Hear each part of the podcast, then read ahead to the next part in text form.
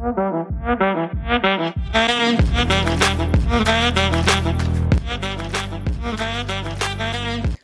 ljudi, ja sam Leana i dobrodošli u 16. epizodu podcasta Nedozvoljena. Malo smo napravili pauzu, ali se zato vraćamo sa mnogo cool temama, sa cool pričama i današnja tema će iskreno biti malo kontraverznija, koliko za vas, a koliko iskreno i za mene samo. Ono čemu ćemo danas da pričamo je erotski kapital. Ili ti da li je korišćenje ideje o seksu i flertovanje uh, u nekim poslovnim kontekstima ok ili ne, da li ono feminističko ili antifeminističko?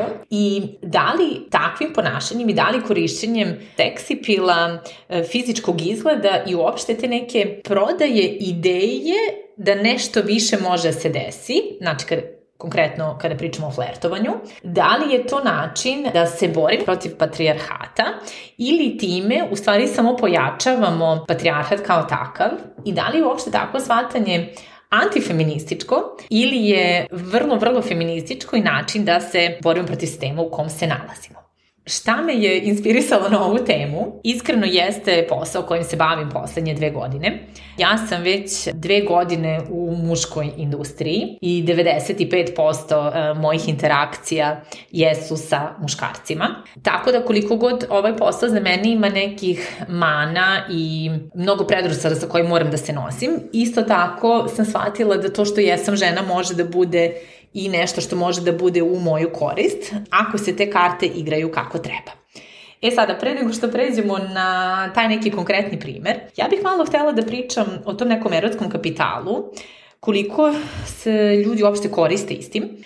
Dakle, kada kažem erotski kapital, ja mislim o nekom seksipilu, mislim o nekim društvenim veštinama, mislim o lepoti, mislim o zgodnoći. Znači, prosto pričam o svemu onome što može da doprinese tom osjećaju seksipila. I zaista smatram da je m, taj neki erotski kapital koji svaka žena nosi u sebi jeste neka vrsta prednosti koje žene imaju nad muškarcima. Hteli mi to da priznamo ili ne. Da li je moralno ili nemoralno, da li je feministički ili antifeministički da se takve stvari koriste u poslu, upravo da bi postigli neke rezultate. E sad, ja da se vrlo ogradim u ovoj priči, ne pričam o prodaji seksa i ne pričam tome da spavamo sa nekim i da koristimo naše telo da bi došli do određene pozicije i da bi postigli nešto u poslu. Znači, apsolutno se ugrađujemo od toga više pričam konkretno o nekom flertovanju, korišćenju nekog šarma i ti nekih fizičkih atributa koje imamo, da bi lakše, lepše i brže postigli neke rezultate kao žene u ovom poslu, to jest kao žene u bilo kojoj industriji i u bilo kom poslovnom okruženju. Ja zaista smatram da patrijarhat kao takav je napravio sistem u kome žene e, moraju mnogo više se trude da postigli iste rezultate kao muškarci i da upravo zbog tog istog patrijarhata mislim da se često, e, da često žene pribegavaju stvarima koje su u njihovoj moći i koje jedna od redke stvari koje mi možemo da koristimo kao naša prednost. Ipak, pitanje jeste da li e, mi moramo da koristimo flert, šarm i fizički izgled da bi postigle neki uspeh. Ono što jeste istina je da kada muškarci koriste takve stvari, mi to nazivamo ambicijom, mi to nazivamo nekome ko ume da se snađe i nekome ko je šarmantan, a mislim da za žene zaista ne postoji apsolutni, apsolutno isti kriterijum e, za sve to, jer u osnovi celog patrijarhata žene nisu uopšte trebale da, da žele moć, da žele poziciju, da žele uspeh, i samim tim nije uopšte bilo predviđeno da se one koriste svim što imaju da bi postigle to što žele da, da postignu. I kada pričamo o ženama u poslovnom svetu, zaista smatram da ako znamo da koristimo naš seksipil, možemo da koristimo kao neku prednost E sad opet naravno pitanje je da li mi tim isticanjem ženskih atributa još više guramo žene u opresiju od koje smo bežale. Jer ono što jeste istina smo se mi jako dugi niz godina borile da budemo posmatrane kao sposobne, pametne i jednake a opet u nekim situacijama vrlo pribegavamo korišćenju tog istog seksipila da bi postigli neke rezultate. E, ja ne govorim o prodaji tog seksipila i da ne postoji ništa iza toga. Znači, vrlo mi se podrazumeva da svaka žena jeste pametna, sposobna, ambiciozna, vredna i radna i da su mi to nekako standardni kriterijum koje mi pričamo. Znači, ovde ne govorimo o praznoj glavi i dugim nogama, nego govorimo o punoj glavi i dugim nogama i govorimo o tome da je negde taj seksip ili erotski kapital koji postoji samo jedan u nizu alata koje žene mogu da koriste i postigle to što žele da postignu. I zaista u nekom sistemu u kome živimo, mislim da je to jedna od onih stvari gde su žene, uh, se trude da budu pametne oko toga što su žene. Hteli mi to da priznamo ili ne, mi nismo izmislili pravila, ali vrlo se igramo sa njima i vrlo se trudimo da hodimo po toj nekoj tankoj liniji.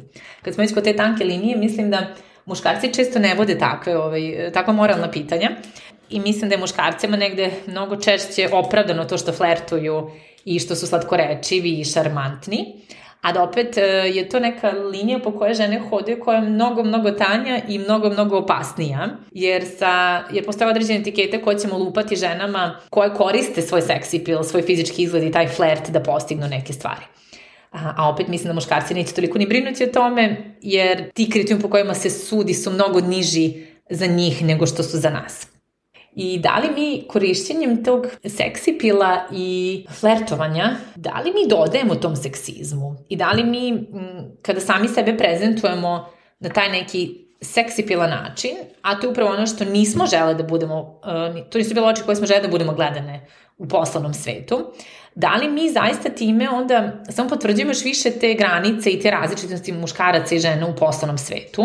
I da li mi zaista time pojačamo moć koju muškarci imaju nad ženama to flertovanje koje postoji, koje mi žene koristimo, znači da li je to osmeh, da li je to malo duži treptaj, da li je to prekrstimo noge na ovaj ili onaj način, obučemo nešto malo kraće, malo ležernije, kako god, da li mi zaista tim flertovanjem nekako mažemo sebi oči i da li mi onda zaista se pravimo da ne vidimo pravi, pravi problem.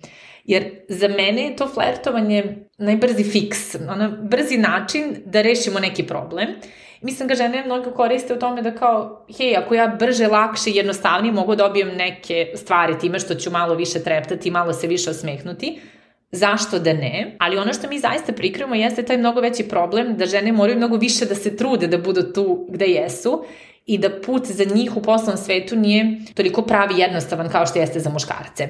I zaista tim nekim i seksipilom i erotskim kapitalom mi zaista samo mažemo sebi oči jer e, problem zaista postoji, problem je tu, a žene su samo pronašle način, pošto ne mogu da reše problem, mogu da ga zaobiđu na najbrži mogući način, da dostignu te rezultate koji su im, koji su im potrebne. Ta neka tanka linija u kojoj hodamo, da li onda to neko ko juri priliku da završi stvari što brže i lakše, ili pak sam sebi uskače u stomak i pravi još veći problem od, od svega toga.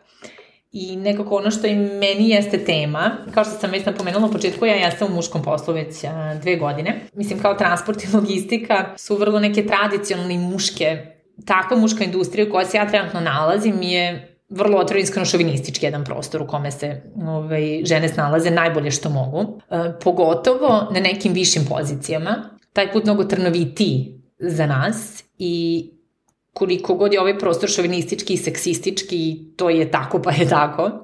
Mislim da ponekad i postoji ta neka vrsta privilegije uh, da jesam žena u muškom poslu, jer izgled zaista pomaže, koliko god mi to hteli da priznamo ili ne.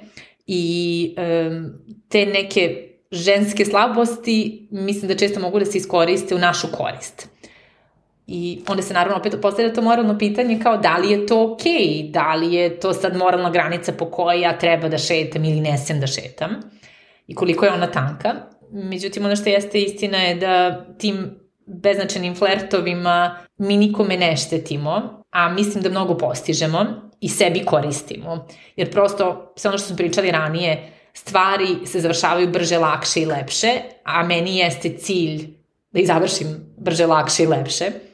I mislim da to je jedna od onih situacije gde ja kao žena u muškom poslu okrećem patrijarhat u svoju korist, jer sam shvatila da ne mogu da ga izbegnem, ne mogu da pobegnem od njega i, što ne, i ne mogu da ga pobedim u krajnjem slučaju, on će postojati pa će postojati, dugi niz godina je već postojao i nastavit će da bude tu. Ja ne mogu da menjam sistem kao jedna žena u muškom poslu, ali mogu da pronađem načine da obstanem u tom sistemu i da budem uspešna.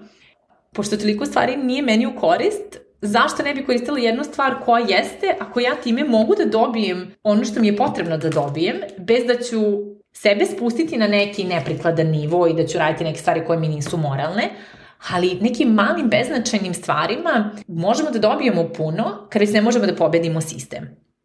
Ja ću vas u današnjoj epizodi ostaviti sa pitanjem da li smatrate da je korišćenje erotskog kapitala, to je moralno ili nemoralno, da li je to linija po kojoj treba da se šeta ili ne, da li ona više daje ženama ili oduzima ženama i uopšte gde se vi nalazite na toj skali, koliko je to okej, okay, a koliko zaista nije okej okay da se flertom i treptajima borimo protiv patriarhata. Hvala na slušanju i družimo se uskoro. Ćao! Thank you.